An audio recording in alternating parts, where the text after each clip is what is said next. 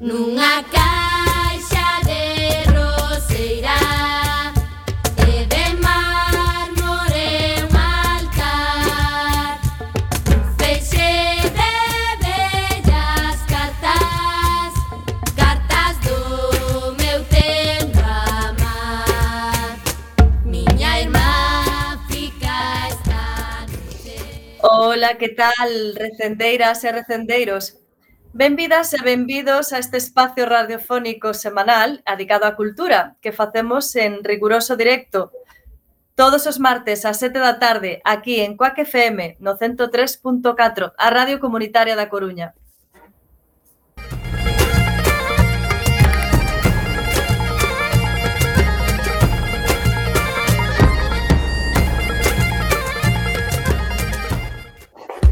Agrupación Cultural Alexandre Bóveda presenta este programa que podedes escoitar en directo a través da internet na páxina de emisora cuacfm.org barra directo e tamén na aplicación móvil. E se non chegastes a tempo, non tes excusa, compañeira. Podes descargar todos os programas xa emitidos en Radioco, o megapodcast da nosa emisora. Ou tamén podes escoitalo na redifusión, que será os mércores ás 8 da mañá os venres ás 16 horas e na madrugada do domingo ou luns ás 12 da noite. E a partir de agora, seguídenos tamén nas redes sociais, tanto deste programa Recendo como a da propia agrupación cultural Alexandre Bóveda, que teñen abertas as súas canles en Instagram, Twitter e Facebook, ou na web www.acalexandrebóveda.gal.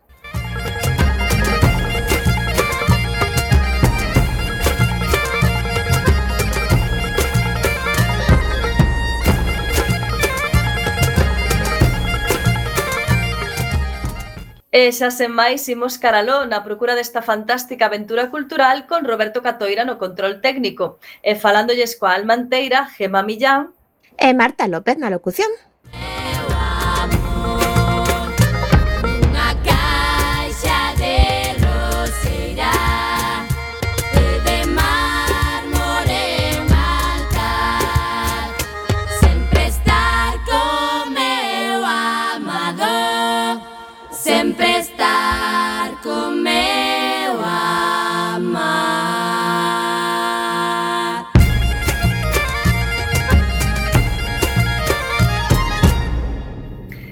E chegamos ao programa número 408.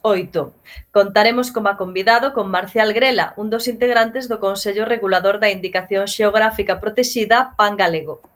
Falaremos das actividades da nosa agrupación e das outras cousas que se fan na Coruña na Galiza e que tamén son cultura. E tamén recitaremos poesía galega en directo. E na música de hoxe, no ano 2021, un novo grupo chamado Ailá, que toca música baseada en cantos de tradición oral, publicou o seu primeiro disco titulado igual que o nome do grupo. E presentamos a primeira peza de hoxe titulada Muiñeira de Frades. Música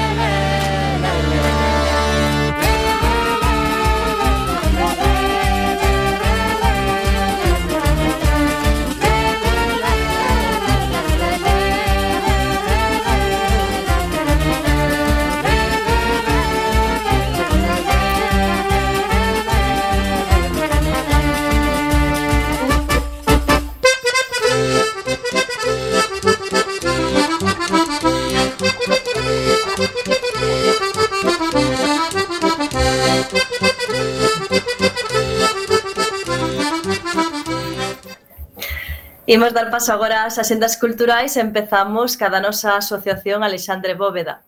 O mércores 15 presentamos no noso local o libro Soños no limiar, que foi a única novela de eh, Fátima Bernisi e foi publicada por Edicións Laiovento. Esta obra fai parte da colección Candemaya, libros traducidos e escritos por mulleres para que con historias de nenas, mozas e adultas fiemos un tecido máis humano e máis respetuoso. Na presentación estará Rocío Vieitez Ferro, traductora e responsável da colección, e Prudencio Viveiro Mogo, da editorial. Será ás 19.30 horas no noso local. O xoves 16 falaremos con Rebeca Castiñeiras sobre cultura galega e arte urbana na provincia da Coruña. Rebeca Castiñeiras é graduada en Historia da Arte pola USC e mestra en Literatura, Cultura e Diversidade pola UDC. Esta actividade forma parte do ciclo Aula Aberta organizado pola Asociación Cultural Alexandre Bóveda en colaboración co Grupo de Investigación ILLA na Universidade da Coruña. Será ás 20.30 horas no noso local, que xa sabedes, está na Rúa Olmos, 16-18, primeiro andar da Coruña. O Benres 17 presentamos o libro Os anos do silencio, de Xosé Álvarez Castro, editado por Xerais. Xosé Álvarez Castro é mestre, licenciado en Xeografía e Historia, é un dos maiores especialistas do país en memoria histórica. O acto organizado pola Cátedra de Memoria Histórica da UDC e pola Asociación Alexandre Bóveda contará coa presenza de Xío Breogán Diegue Ezequiel, director da cátedra, e con Xosé Álvarez Castro, autor do libro. Será ás 19 horas no noso local. Imos a falar agora dunha actividade para uns 20. Por que? Pois porque o vindeiro martes non haberá programa de recendo, así que as axendas desta semana incluen esta semana e a vindeira. O nos 20, Mario Pansera vai pechar o ciclo Pensando o futuro, que nos acompañou durante os últimos luns, coa palestra titulada Prosperar sen crecemento. Serás 19.30 horas no noso local.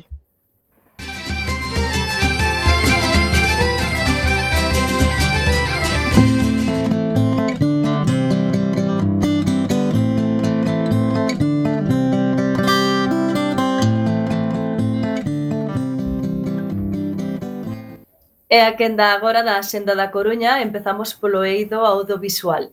A mellor oferta de cine na cidade segue estando no Foro Metropolitano. Nesta ocasión podemos ver a película A familia que ti elixes, na que un mozo con síndrome de Down fuxe da súa residencia para converterse nun loitador profesional.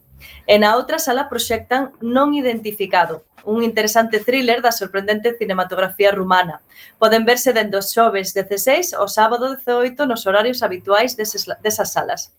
Imos agora coas artes escénicas. A Escola Arte Estudio presenta a súa gala de fin de curso do alumnado infantil e juvenil cunha diversa mostra de pequenas pezas de danza, teatro ou improvisación. Será o xoves 16 no Fórum Metropolitano ás 18.30 horas, comeza a gala infantil e ás 21 a de adultos. Esta semana chega unha adaptación teatral de Los Santos Inocentes, a obra de Miguel Delibes, cun, cun interesante elenco encabezado polo ferrolán Javier Gutiérrez. Pode verse o Benres 17 e o sábado 18 ás 20.30 horas no Teatro Rosalía de Castro. Despois da guerra, do exilio, da morte, do éxito, da soidade, do amor. Despois de 40 anos, María Casares regresa á patria da súa infancia nunha xira teatral. Nesta peza, mesturando cine en directo, teatro e música, poderemos percorrer os lugares e momentos da vida de María Casares na súa viaxe de retorno tras 40 anos no exilio. Diso trata Despois das ondas, a montaxe da compañía Butaca Cero. Podedes vela o domingo 19 ás 20 horas no Teatro Colón con entrada de balde. E imos á música. Chega o final de curso e os festivais para celebralo. Volve o Festival Dalle Donaire, na súa novena edición.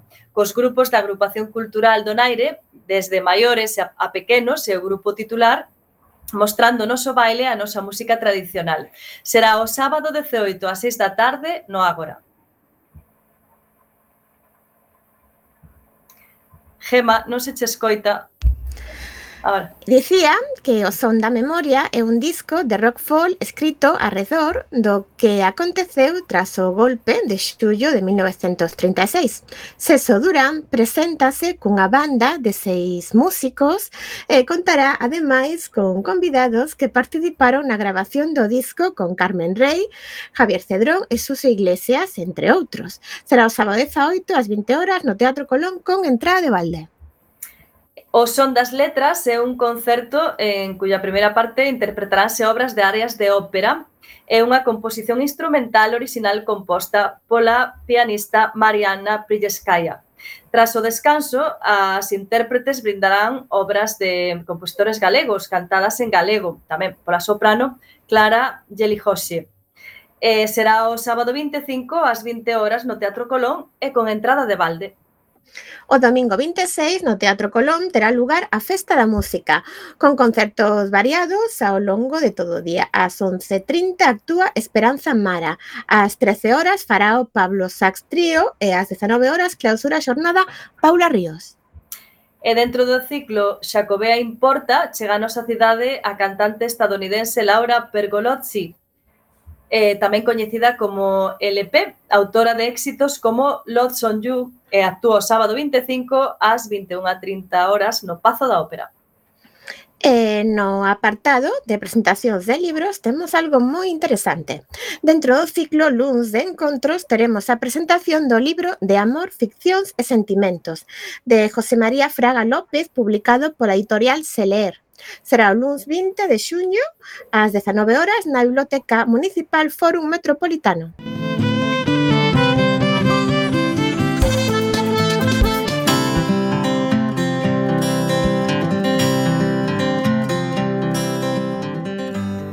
Imos agora á xenda de Galiza e empezamos por Ferrol. Segmento Cantábrico é o primeiro traballo de Uxía Pedreira, artista de Vilaronte, Foz, voz de Marful e Nordestinas. As letras son poemas da propia Pedreira, de Enrique Gavilanes, Rosalía de Castro, Marina Ural, Carballo Calero e Xela Arias. Actúa o sábado 25 ás 20.30 horas no Teatro Jofre. En Lugo teño algo importante que dicir, pero aínda non sei o que.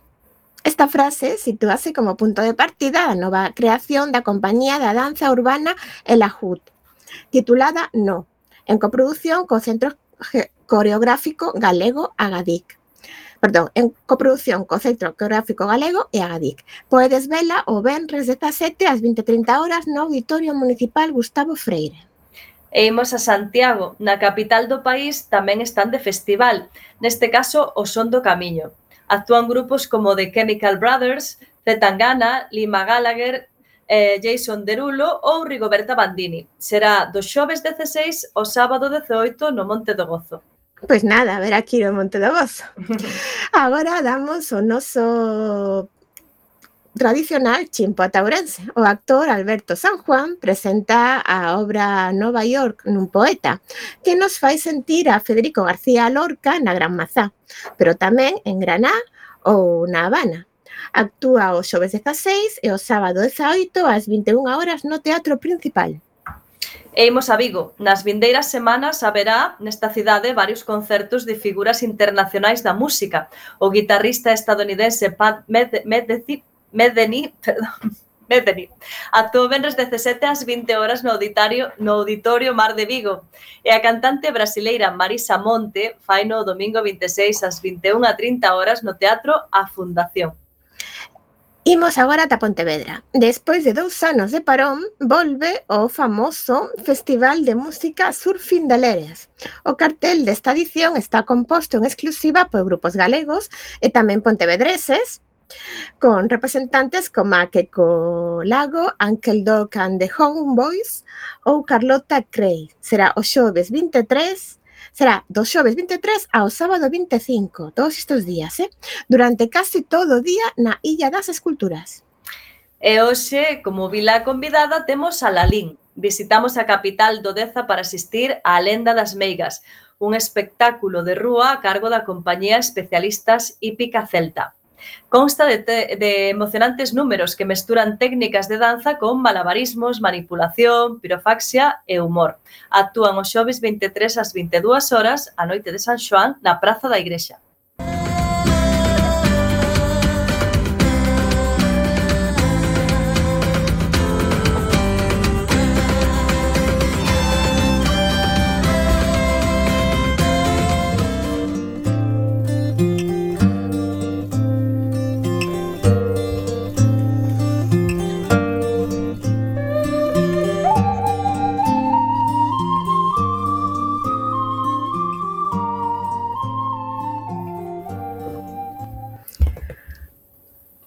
miña terra é doce como o mel. Abondonosos e agasalleiros os seus froitos. Na primavera abroman os touzales e o cuco canta. Xermola a natureza, baixo a fecunda codia das labranzas, alédanse os boscos e as noites son infindas e estreladas. Sí, a miña terra é doce como o mel, pro a carón de tanta fermosura, a miseria, labroulle un túnel amarguísimo na historia. A miña terra é soave, solermiña, polo brau, cando as anduriñas tecen os seus voos de soños. Os grilos poñen as xouxeros vibrátiles na serán lenta. Os reiseñores cantan as portas do mencer. E os ríos pasan en romería. Sí, a miña terra é soave, Solermiña, Pero nos ollos dos meniños que van á escola, nas mañás frías hai unha tristura antiga. A miña terra é aquelada como unha mazá polo outono, cando os arbres son de ouro e a brisa cariña como un beixo. Nacen a paisaxe camiños novos, con merlos chifradores baixo as parras, farturentas colleitas, don dos sacios cántigas de ceifa de vendima, ateigadas de graus, fican as tullas, sí. A miña terra é aquelada como unha mazá, pro injusticia, proterva, dura, fonda, vai furando o corazón dos homes como un verme. A miña terra é íntima e tenra, como un colo de nai polo inverno, rente ao lume no lar húmedos e verdes, os campos esponxanse na brétema, os vales, dormen brandamente, as cumes branquenexan baixo un vento fungón que ven do norde. As vacas muxen nos cortellos e o fume das lareiras arromeda fantasmas nos tellados. Sí, a miña terra íntima e tenra, pro a mocedá fuxe dela, en busca de outra terra onde o pan se pode comer sen vaguas.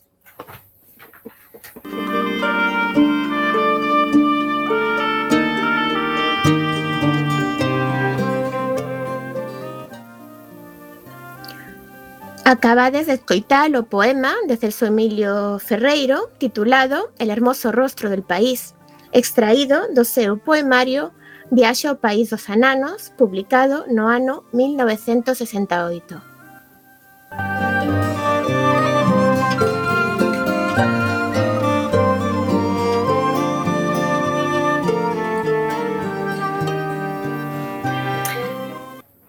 A estas horas, moitos de vós xa estaredes merendando. Eh, o mellor, o mellor, estades merendando un bocadillo feito cun rico pan galego. O que nos ven moi ben porque imos falar precisamente diso, do pan galego, en concreto do Consello Regulador da Indicación Xeográfica Protexida do Pan Galego. Esta iniciativa que votou a andar hai cinco anos e que se materializou a comezos deste ano, pois 14 panaderías de toda Galicia conseguiron o selo que as acredita como produtoras de auténtico pan galego. A Indicación Xeográfica Protexida foi unha iniciativa da Asociación Provincial de Forneiros Artesáns, da Federación Galega de Panadeiras e das Asociacións Provinciais de Panaderías de Lugo, Ourense e Pontevedra. Esta indicación xeográfica únese a outra xa existente para o pan galego, só que esta só que esta pioneira identificaba ao internacionalmente recoñecido pan de cea. A indicación xeográfica define as características que debe cumprir o pan para poder ser chamado pan galego, aínda que o noso convidado relatará polo miúdo cales son esas características. Nos adiantamos que na súa elaboración deberán empregar polo menos un 25% de fariña de trigo branco do país, co cal agardan poder recuperar a produción de cereal autóctono. Entre outros obxectivos, a indicación protexida do pan galego busca evitar que se venda como pan galego o pan que realmente non é galego. Este é un fraude que afecta tanto aos produtores como aos consumidores e que é motivado polo recoñecemento do que goza o noso pan galego máis aló das fronteiras do noso país. Esta nova indicación tamén chega nun momento no que cada vez máis consumidores buscan e exixen un pan de calidade. Neste mercado cada vez máis exixente, o selo de garantía permite que as nosas panaderías, que as nosas panadeiras e panadeiros poidan buscar unha mellor posición, Punto moi importante se temos en conta que comeza a haber certa saturación na oferta de pan de calidade. Para contarmos máis sobre a indicación protexida do pan galego, temos hoxe connosco a Marcial Grela, da panadería Grela de Cerceda e membro do Consello Regulador de Pan Galego. Moi boas tardes, Marcial. Hola, boas tardes. Que tal? Moi ben, por aquí andamos, sí. Moi ben. Nos encantados de terte aquí hoxe connosco e para que nos contes máis máis polo miúdo todo isto. Para comenzar, contanos como xorda a idea de crear unha indicación xeográfica protexida para o pan galego. Eh, en principio vou te corrixir, porque ti falaste Corrixe, que hai, sí, sí, sí. hai cinco anos que empezamos con este proxecto. Hai uh -huh. 21 anos que empezamos con este proxecto. Anda. O sei que eh, nós, eh, pois hai seis anos, eh, estábamos dando conta que había pan que se vendía en Galicia e fora de Galicia como pan galego que non tiña nada que ver co, co que, non, con que Galicia se fai. Non? Uh -huh. Daquela pois, estaba vendo un, un fraude ao consumidor e máis un perjuicio ás panaderías de, de Galicia. Non? Daquela por esas fechas fomos á Xunta de Galicia buscar a maneira de impedir que se pudera vender pan galego que non era tal. Non? Bueno, pois empezamos aí. E a primeira pregunta é, bueno, para fazer pan galego ten que haber trigo galego. Non? E non había un, un trigo que estivera certificado como trigo autóctono galego. Non?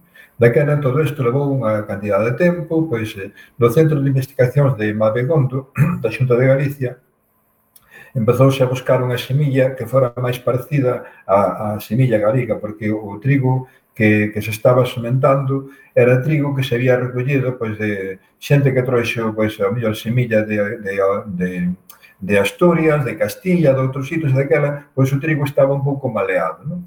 Daquela no Centro de Investigacións de Mabegondo, o que fixeron foi eh, buscar, eh, en isto axudamos aquí a Asociación de, de Forneiros Artesanos da provincia da Coruña, buscamos por zonas como Coristanco, eh, Órdenes, eh, eh, por aí adiante, buscamos unha semilla que tivera máis limpo. Non? Daquela primeira semilla que, que en Mabegondo dixeron que era a que máis se adaptaba, era de callobre. Non? Por eso, a primeira semilla autorizada, certificada, a primeira variedade como, como trigo autóctono galego é trigo callobre. Eh, despois, pasados uns anos, pois, eh, conseguirse outra máis, que é máis beneficiosa, beneficiosa para, para os agricultores, porque Aquí o problema que temos co trigo é que o trigo pois, ten sobre un, un metro de alto e aquí chove moito e vai aire e daquela pois eh, moitas veces a agua e, e, e o vento pois eh, eh acaba co trigo non? Eh, o trigo deitase e chavase encamado non? o trigo e non se pode verificar daquela conseguiuse con outra, con outra variedade que se chama cabeiro pois un trigo de, de, de caña menos alta e que, que ten a caña un pouco máis dura é máis resistente, non? O sea, que para o agricultor é moito mellor. Non? E daquela, pois, eh, houve que esperar anos para conseguir esa semilla e tal, non? Pero hai outra cousa máis, que o trigo galego é moi rico en proteína, eh, conserva moito o pan porque pola humedad que ten e todo eso, pero non ten forza suficiente para facer o pan que facemos aquí, porque aquí faxen unha mezcla con fariña de, de fariña de Castilla, de, de, de trigo que ven normalmente de Castilla, que agora xa non ven de Castilla, polo que estamos vendo, ven de Ucrania, de Rusia e de por aí. Non? E son fariñas de forza que aquí non temos, que son as que fan que o meu pan estea medre máis e que, e que, que tire para arriba. Non? Daquela nos tuvemos que, que a xunta dicirlle, mira, non podemos votar 100% de fariña de país porque non conseguiríamos facer o pan que estamos facendo. Non? Daquela, pois, despois de varias conversacións, eh, o, que se, o que se decidiu foi que o pan de, de comunicación e gráfica protegida ten que levar como mínimo 25% de fariña do país. Pero o resto pode ser unha fariña de, de, de forza de, uh -huh. de outros calquera. Uh -huh. Eh, cales son os pasos que hai que ir dando para cadar unha indicación xeográfica? Pois, eh, como che dixo, desde hai 21 anos, pois sí. os pasos foron difíciles, con moitas zancadillas, porque hai outros intereses, non? Hai mm. xente que, que traballa de outra maneira, e que eu non estou aquí para criticar os demais, non? Non estou para falar ben do meu e nada máis, non? Pero puxeronse moito, moitos paus nas rodas, eh, hasta que se chegou non, na, na Consellería de Medio Rural, pois fixos unha reunión con, a Federación Gallega de Panadeiros, que somos nós, e outras empresas que están implicadas, que están en contra deste proxecto, e ao final pois, decidiuse que o pan que tiña que ser así, o pan ten que levar como mínimo un 25% de daño do país, ten que levar como mínimo un 15% de Masanai, eh, ten que levar como máximo, non pode levar máis de 15 gramos de levadura, eh, e despois, eh, desde que amasas hasta que metes o pan no forno teñe que pasar como mínimo 5 horas de, de, de descanso a masa e de fermentación. Uh -huh. eh, todo eso, pois, conseguís despois de moitas conversacións, de, de falar entre os paradeiros, eh, nas zonas, porque non é o mismo a zona de, de por exemplo, Montevedra que en Galicia, que, que o clima é distinto, e, eh, bueno, consensuar todo para conseguir eh, esta maneira de, de facer de facer o pan. O pan e a, produ si a produción de galega de, de, de trigo é suficiente, o sea, para poder... Eh, eh, sí, hacer... que, sí que de momento, de momento é suficiente porque, porque bueno, ao principio pensamos, bueno, pues non vai haber trigo para tanto pan, pero é que tampouco é tan fácil, non? A ver, con dicirche que levamos ahora tres meses, máis ou menos, eh, bueno, pois pues creo que somos ahora, pois, pues, creo que 18 panaderías horas en Galicia que estamos para para vender este pan con certificación de, de, de pan galego, non?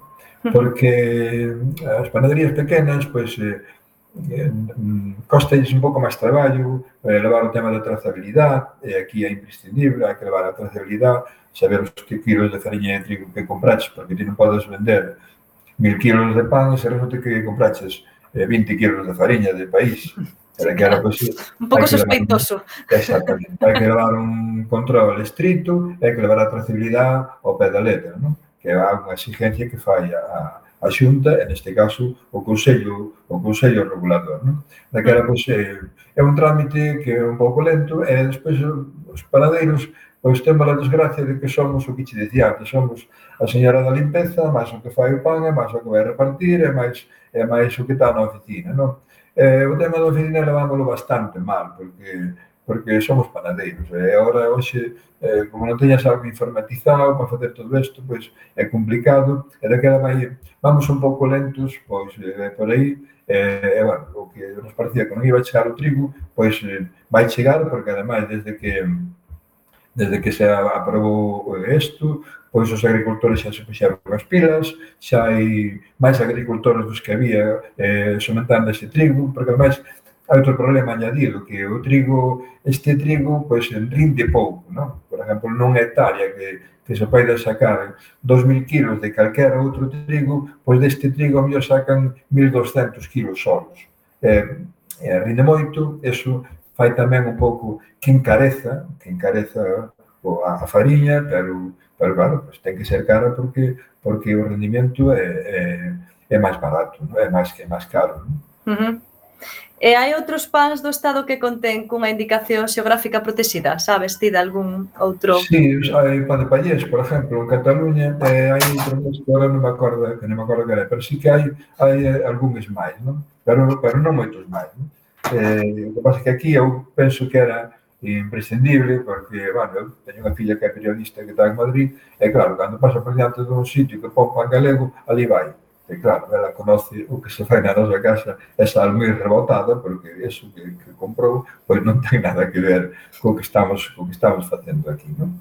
eh, eh, de alguna maneira pois, estáse desprestigiando o pan que facemos nós aquí. Eu pois, eh, fixen varias experiencias de intercambio con panadeiros en Francia, en Suiza, en Holanda, eh, o pan galego, eu creo que é o mellor pan do mundo. Non? Eh, en Francia nós fixemos pan con fariña que chegamos a unha hidratación de botámoslle tanta fariña como agua. Teño unha fariña buenísima, Eh, eh, co pan que facemos nós leva un amasado moi largo, unha amasadora, unha amasadora de brazos, eh, eh, o pan que se fai aquí non se fai nada ningún. Creo que temos algo que non ten nadie máis que nós, que tuvemos que demostrar, que touros, eh, porque nós cando mandamos desde a Xunta de Galicia, que mandamos a, eh, todo, como iba a ser o pan galego e tal, pois dixemos, o que íbamos botar de agua, todo eso, e dixemos que a, a auga de Galicia que era distinta da agua dos demais, porque eh, nós sabíamos que algúns panaderos de Galicia intentaron poñer unha fábrica de pan galego en Barcelona e non lles funcionou porque a agua non lles, non lles valía. Non? E, bueno, daquela nos cando, cando se mandaron a, cando se mandou a documentación para a Comunidade Europea, pois dixemos que a agua de Galicia que era distinta. Non? A contestación veu rápido. En que é distinta a agua de Galicia do resto? Pois tivemos que buscar científicos que demostraran científicamente que a agua de Galicia é distinta da agua dos outros sitios. Non son aguas tan duras e influye moitísimo no, no moitísimo mm. no pan. Uh -huh. Carai. Bueno, nós tamén queremos saber eh, que a indicación é moi estricta. Eh, pensamos que tamén indica algo sobre os formatos nos que se pode vender pan como galego. Isto é así? Sí, sí, sí, sí. Hai catro formatos. Hai o, o bolo, que, un, que é con moño, sí. hai eh, o mismo bolo aplastado, que lle chaman bola, que leva uns cortes así por, por encima, hai a rosca, que, é, que en algunhas zonas chamase bola, que ten un borato no medio, e hai a barra. Son eses catro formatos. A barra ten un peso de 300 gramos, e, e o, o resto das pezas poden, poden variar desde 250 a 500 a 1 kilo e a kilo e medio. E ten que ter eh, empaquetado, ten a súa bolsa específica, ten que ter etiquetado, vai leva unha etiqueta da panadería donde, donde se pon o poder enerxético, os ingredientes, a peza, o, o número de lote e todo eso. E despois, ao final, leva a contraetiqueta que nos proporciona a Comunidade Europea, que é a que certifica que ese pan foi feito desta maneira. Non? Uh -huh, vale, o sea, esos son aspectos legais, como quen di. Pero hai algún hai algunha maneira de que o consumidor, a consumidora, recoñeza un pan como galego se o seu produtor non está acollido a indicación xeográfica protexida? Home, eu creo que sí, porque en realidad aquí en Galicia o pan xa se fai máis ou menos así, non? O que pasa é que casi nadie lle bota esa cantidad de fariña de país que poñemos aquí e casi nadie lle bota esa cantidad de masa nai que poñemos aquí. Daquela simplemente esas dúas cousas se, que, por, por exemplo, podo che dicir no meu caso que estou facendo este pan, eh, aquí dime que non po, que teño que botar como mínimo un 25% de farinha de país. Eu boto un 40%. E teño que botar como mínimo un 15% de masa nai. Eu estou botando un 25% simplemente eh, eh, ese pan córtalo e, e huélelo e xa ten un sabor característico que cerra os ollos e pensas en hai 40 anos, o que os teña que vas a mellor nos tedes, pero, pero xa pasa un pouco. Bueno, gracias polo piropo, pero eh, casi sí, ca casi facemos 40. Mira, vai seguir preguntando a Marta que, que bueno, está aí polos 30 e poucos. Bien. Non te oímos, Marta. Efectivamente, estaba muteada. sí, polos 30 e poucos, por aí, por aí. Eh, bueno, eu son, a min gustaba moito o pan, a verdade, pero toda a fariña que se vende como fariña do país é realmente fariña do país. Hai tanta produción en Galicia. Vamos non digo desas dúas sementes que dixeche especificamente que ca que facedes o, o voso pan, sino a, a fariña que atopas de, do país é do país realmente. Aquí, aquí a, que, a que está certificada como fariña do país son estas dúas variedades, Callobre e Cabeira. Non? Solo. Solo estas dúas que hai, de momento está vendo suficiente para o pan que se está facendo, para que despois aquí hai moinhos que venden pan sin certificación de fariña, que tampouco quere dicir que sea unha fariña mala, non? pero non ten ese certificado, non? que, que co tempo pois, iránse, iránse a, a, añadindo, porque a Xunta de Galicia que, o que pretende é ir eh, inspeccionando fincas eh, eh, mirar as semillas, dando de alta para que, para que, para que entren dentro da, do, desto, non? Pero o trigo que se está que se está recollendo aquí é un trigo bo, non? É como, por mm. exemplo, pues, eh, non sei, aquí estamos falando do pan galego, pero falamos da ternera gallega, a ternera gallega é unha carne de alta calidad que non quere dicir que o resto da carne que se vende en Galicia que sea mala, non? Mm, claro. Eh, bueno, hai tamén unha indicación xeográfica protexida para o pan de cea En que se diferencia o pan de cea do pan galego? Pois eh, diferencias bastante. Por exemplo, o pan de cea non lle obligan a que bote farinha do país. É eh, uh -huh. unha das cousas que non lle obliga. Si lle obliga que ten que ser un forno un forno de leña. Eh, cando me refiero ao forno de leña, me, me parece. Eh, por exemplo, moitas veces hai panaderías que venden pan de leña, non? que efectivamente é cocido con leña, pero é que ao forno non lle afecta para nada, porque os fornos eh, que hai na, na actualidade, pois eh, eh, quéntanse con leña, con gasoil, con gas, eh, non lle afecta para nada unha cousa ou outra. Pero, sin embargo, Pandacea quéntase con leña porque o lume está donde se coce o pan. Que imagínate que nós fixéramos coceramos o pan donde está o lume, o gasoil, o pan se abría gasoil.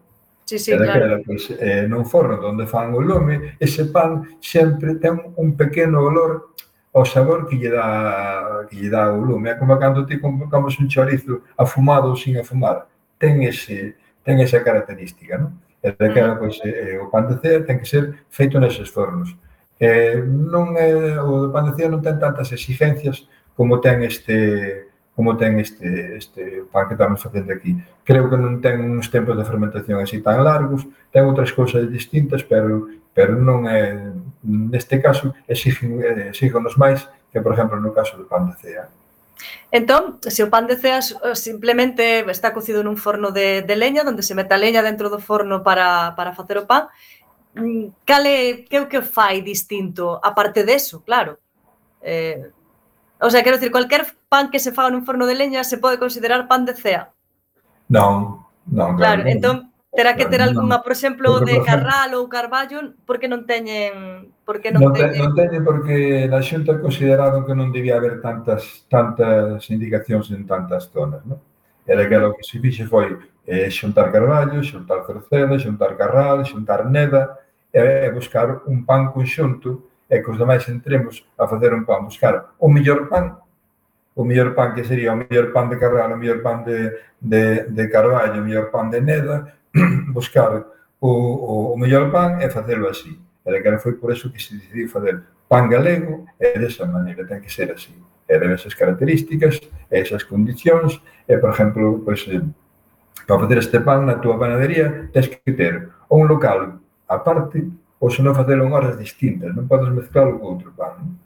Non? Tens que ter unha, unha zona para poñer a, a fariña de, de que é certificada apartada da outra, tens que ter un espacio para fermentación apartado do resto do pan, tens que cocelo aparte, non podes mezclar co outro. Non? Ten unhas condicións que, que, que ten que ser feito desa maneira. Non?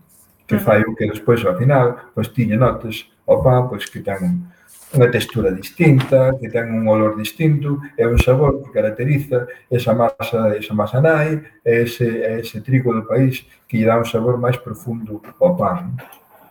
Uh -huh. Bueno, ahora vai a continuar Gema preguntándoche Sí, bueno, imos facer unha pausiña musical para que non para digerir ben todo este todo este pan que estamos a disfrutar nesta mere, merenda recendeira. Eh, imos a escoitar a Xota dos Aveneiros, que xa sabedes que é unha canción de Aila.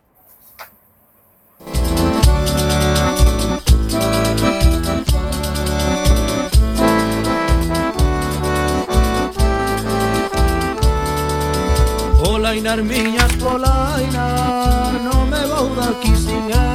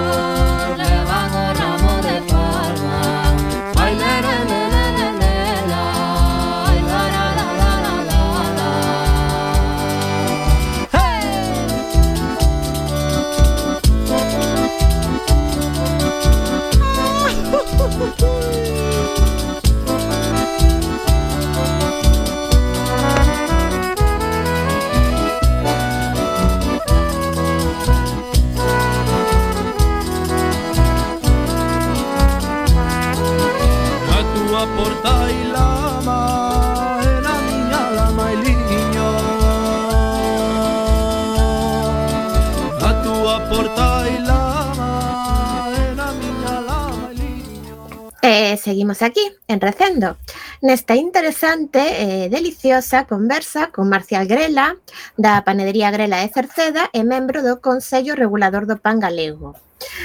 Queríamos eh, saber exactamente cantos productores de pan están amparados polo selo de pan galego, Marcial. Pois hoxe mesmo creo que 18 en todo Galicia. Na provincia da Coruña creo que somos 5, me parece, eh, pois non sei como están, sei que hai polo menos outros tantos que teñen solicitado a, a inscripción, pero pois eh, ou que ainda non teñen as etiquetas feitas ou cousas polo estilo, pois estás, están eh, tardando un pouquiño máis, pero pero bueno, ahora mesmo creo que estamos da zoito, total. Uh -huh. E como se verifica que están cumprindo cos requisitos? eh, verifícase cando nos dan nós no, nós non podemos en realidad verificar o que é a panadería. Nós eh, eh verificámoslo ca etiqueta, ca contraetiqueta que nos dá a Xunta de Galicia temos que ter o pan empaquetado, eh, etiquetado e contraetiquetado que é o que certifica que o pan foi feito así uh -huh. e como por exemplo o mismo, o mismo pasa cos agricultores e o mismo pasa cos muiñeiros. Os muiñeiros teñen que inscribirse para poder para poder eh, facer ese, esa moer esa fariña e os agricultores teñen que inscribirse para poder facer esta sementeira, non? Vai, por exemplo, nas panaderías, veu miñar un inspeccións varias veces, ver o local, ver como facías, daquela, eh, cando ti lle dis que non tes o, o local aparte para facelo, daquela tes que facer un, un diaframa de flujos, para decir, bueno, pues eu isto eh, amaso a tal hora, despois fermenta aquí nesta zona, despois eh, eh, fajo os bolos, e descansan neste sitio, despois fago o moño e despois meto neste forno cando xa non hai pan aquí dentro. Eh, base a eso, pois, pues, danche a, a nos a unha certificación que temos unha, bueno, nós temos, claro que temos un certificado que di que ti és eh, produtor de, de de pan galego un certificado de indicación xeográfica protegida. Claro. Claro, ben, o sea, na panadería, na panadería Grela de Cerceda está claro que sí, que podemos sí. atopar pan galego. Sí, Pero claro. eh, a nosa audiencia, onde pode atopar pan galego ou como pode saber onde mercalo? A parte, en, aparte en Coruña, de por exemplo, que é onde estamos nós. Pois eh, en Coruña, pois eu teño dos despachos, un da en Mato Grande e outro está na calle Potatío Figueroa, que está ali cerca da Gaiteira, Despois hai outra panadería que está en Santa Cruz, Panadería Santa Cruz, que creo que ten en Santa Cruz e ten eh, pues, ali da Plaza de Lugo, tamén outro outro despacho. Despois está en Coristanco, Panadería Roiser. E despois está en Carral, Panadería da Cuña, que me parece que en principio que ainda non empezou a, a, a, a vender dese pan, pero somos os cinco que... Despois hai outra en redondear, non sei se en Guitirizo ou Curtis ou algo así. A outra panadería máis. Creo que é panadería, non me acordo agora o nome. O sea, casi todos en... Perdón. No, no, nada, era, iba a decir, penso que mesmo que tío. No resto de Galicia, se alguén quere pan, pan galego cocelo, onde tería que, que buscar? Pois non xo sei dicir. Sei que os depós de Pontevedra, por exemplo, sei que hai, me parece que son oito ou nove, ou alguma cousa así, sei que hai na Estrada, sei que hai en Vigo, pero en concreto as direccións non, non, non, non, non sei dicir. Non? Pero bueno, que se fixen ben no selo, que é garantía de calidade, non? Sí, os que, os que temos, eh, podemos vendelo, temos un sello na, nos escaparates, redondo, que, con anagrama de, de Pangalego, que tivemos que quitarlle a Panaderías de Madrid, que non sei por onde claro, xa, xa o tiñan posto, ou, por exemplo, hai un, unha, unha, unha red de, de, de panaderías que, que venden en Madrid que creo que son de Lugo ou algo así, e teñen 16 despachos, e, bueno, tuvo que o Consello Redor darlle un toque de atención que tiña que quitar ese, esa publicidade porque non están autorizados a facela. Como, Ay, por exemplo, este, estes madrileños. Porque, por exemplo, tamén hai unha, unha empresa de grandes supermercados aquí en Galicia sí. que está vendendo barra gallega e tamén se lle dá un toque non pode vender barra gallega del Barra con outro nombre, pero para vender Barra Gallega ten que ser Barra Gallega, ten que ter o, o coño de, de, de pan galego. No, non sei se era isto que quería preguntar antes Marta. Sí, sí, justamente eso. pero lichesmamente, Gema. Que estamos aquí conectadísimos. Mira, Marta, que aparte a gran, a gran paleira de aquí do programa, penso, vai seguir preguntando ela máis consigo. Sí. Bueno, por que se considera como pan galego feito con trigo e non con outros cereais? O sea, en Galicia só se cultivaba trigo, supoño que tamén se cultivaba centeo, se cultivaba outro tipo de, de cereais, non? Por, non hai, por que non hai outro pan que non que sea galego tamén e que non que non sexa de trigo. Porque isto, isto vai lento. De momento empezamos por aquí, empezamos co pan galego. Non? Eh, en concreto, o miércoles pasado, houve unha reunión na, na, na Consellería de Medio Rural para falar do pan artesano que non é que non é A mesma cousa que é pan galego, porque incluso eu eh, dixen pero vamos, eu estou facendo pan desta maneira, este pan é artesano. Sí, sí, totalmente. Pero de momento o, o nombre de pan artesano eh, ainda, ainda, non, ainda non se fixe. Ti non podes vender pan artesano porque non tes algo que te, que te acredite como pan artesano. Te podes decir que o vendeches, que non tens ninguna máquina, que faz toda a man, pero eso non quer decir que sea artesano, mentres que non haxa uns parámetros que decir que terá que ser así o pan de broa, pan de millo, o pan de centeo, o pan de todo eso, e habrá que ir pouco a pouco, eh, dicindo, como por exemplo, o pan integral, que está estipulado que para ser integral ten que ser 100% integral, ou senón tens que poñerlle ti, cando tiñas o pan á venta, poñerlle pan con eh, 75% de integral ou 50% integral, pero eu creo que a mí me parece imprescindible que hoxe en día co, o consumidor que teña eh, a máxima información do produto que vai comprar. É que despois que compro o que queira, non? É como, por exemplo, nós levamos loitando bastante tempo ca xunta de Galicia que se de, que debe ser obligatorio que o pan que é congelado que haxa un cartel en riba que poña este pan é congelado. Que despois a xente que compra o que queira, pero, pero decir, non, este pan é congelado, este non se gusta máis o congelado, compra o congelado, pero a xente debe o saber. Pois ainda non o conseguimos. Eh? Ainda non nos conseguimos que a nós, porque eu, por exemplo, eu, na, na miña casa eu fajo baguette, eh, eh, non é congelada, pero é baguette. Pero hai xente que fai baguette congelada, pois que lle poña que congelada. Sí, hasta fai pouco, bueno, non había moita información non co, co, co pan, polo de 100% integral, non o era, non? Agora sí que salira, fai pouco saliu unha nova lei que obriga. Unha lei fai tres anos, eh, a, lei a, di que a, que ten que ser así. a, característica literaria, por exemplo, aquí no, nunha reunión destas que decían hai toquetado que, que temos que poñerlle pois tens que poñerlle o poder energético e todas estas historias e tal. Hai mala fecha de caducidade. Como lle vas poñer a fecha de caducidade son van é do día. Falou xa tal como non, se non pode ver fecha de caducidade. Aparte a, a fecha de caducidade parece un pouco absurdo, non? porque se ve perfectamente cando pan. non xa, verdade, non, son Está apto para consumilo ou non. De, de feito o pan galego ten unha tamén dura máis que, que, que un pan, non? Eh, exactamente. O pan, o pan, canta máis fariña do país leve, canta máis masana e leve, pois vai durar máis tempo. É, máis, é moito máis sano, porque eh, o pan se fermenta na amasadora, non fermenta no estómago. Eh, todo o que non fermenta no estómago vai ben para a persona. O sea que estamos dando eh, algo, algo de beneficio ao corpo. E por que crees ti que cada vez existe unha maior variedade de pans con sementes de espelta e outros engadidos que non forman parte da, da tradición, non? Ahora hai, hai como unha boutique do pan, non? Que hai con, con un montón de pans diferentes. Eh, crees que isto pasará ou, ou que se quedará aquí, que, que, que ten futuro? No, eu creo que non pasará, además, eh, a mí parece interesante, non? Porque eu eh, xa paso un pouco dos 60 anos, pero eh, cada día estou aprendendo cosas novas, non? e hai semillas novas, hai variedades novas, hai, hai pan de multicereales, pan de esperta, pan de malta, pan de todo.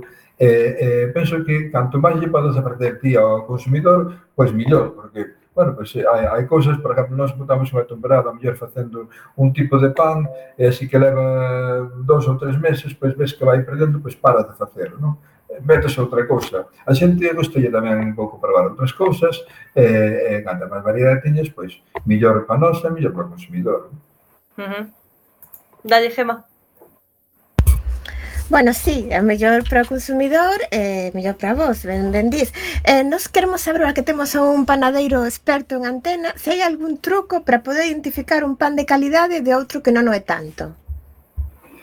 Eu creo que sí, eh? eu creo que moitas veces, bueno, eu, claro, eu, eu posso decir que teño máis experiencia nisto, non? Pero eu vexo cortar un bolo do pan e sei se é máis ou menos bo ou, ou non, non?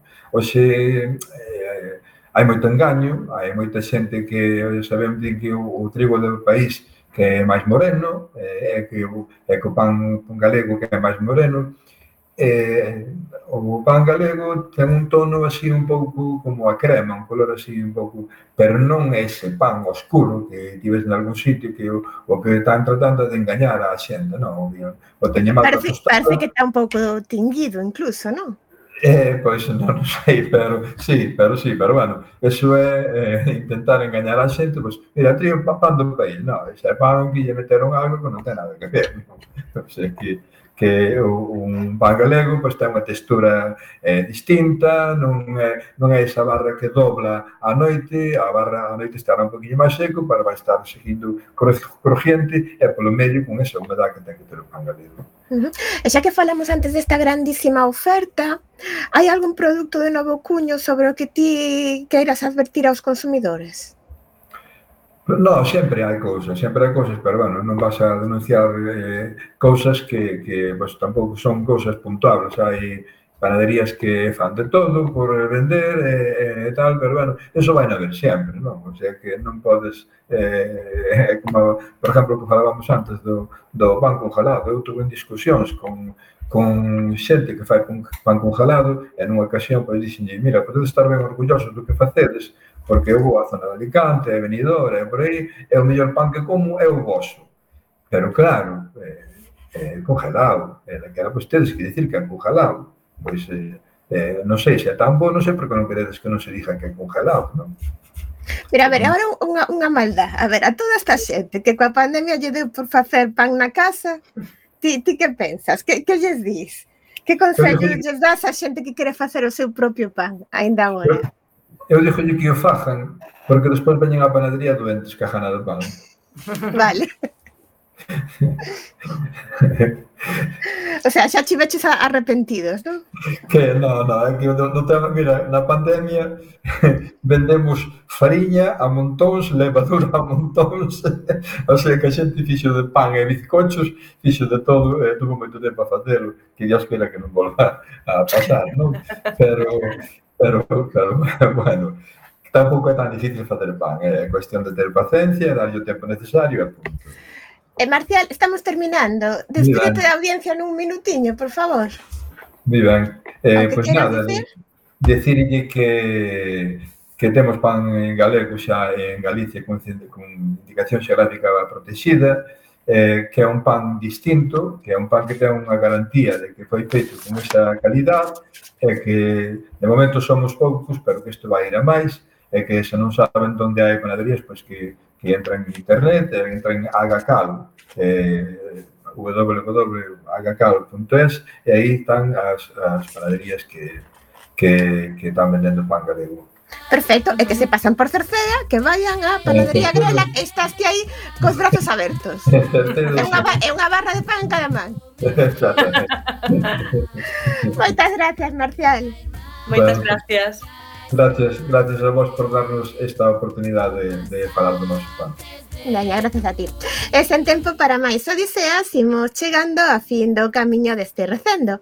Despedimos o programa de hoxe agradecendo ao noso convidado que, como sempre, foi de honra. Hoxe tivemos o placer de falar con Marcial Grela sobre o pan galego. Eh, e agradecendo a semente pedra angular de todo, o noso comando e equipo de produción formado por Javier Pereira, Gema Millán e Roberto Catoira. E aquí estivemos nos control Roberto Catoira e co alento no, eh, co alento no micrófono Marta López e Gemma Millán. Cando a vida sexa morte Acompañándote neste recendo de palabras e de imaxes radiofónicas que nos traen este aroma cantado na nosa lingua e que nos permite hoxe tamén no futuro a permanencia da palabra, da música e da implicación e o compromiso coa nosa nación, a Galiza. E ata o vindeiro martes non, porque volveremos o próximo martes 29 de xullo, que será o derradeiro da tempada. Xa sabedes, a sete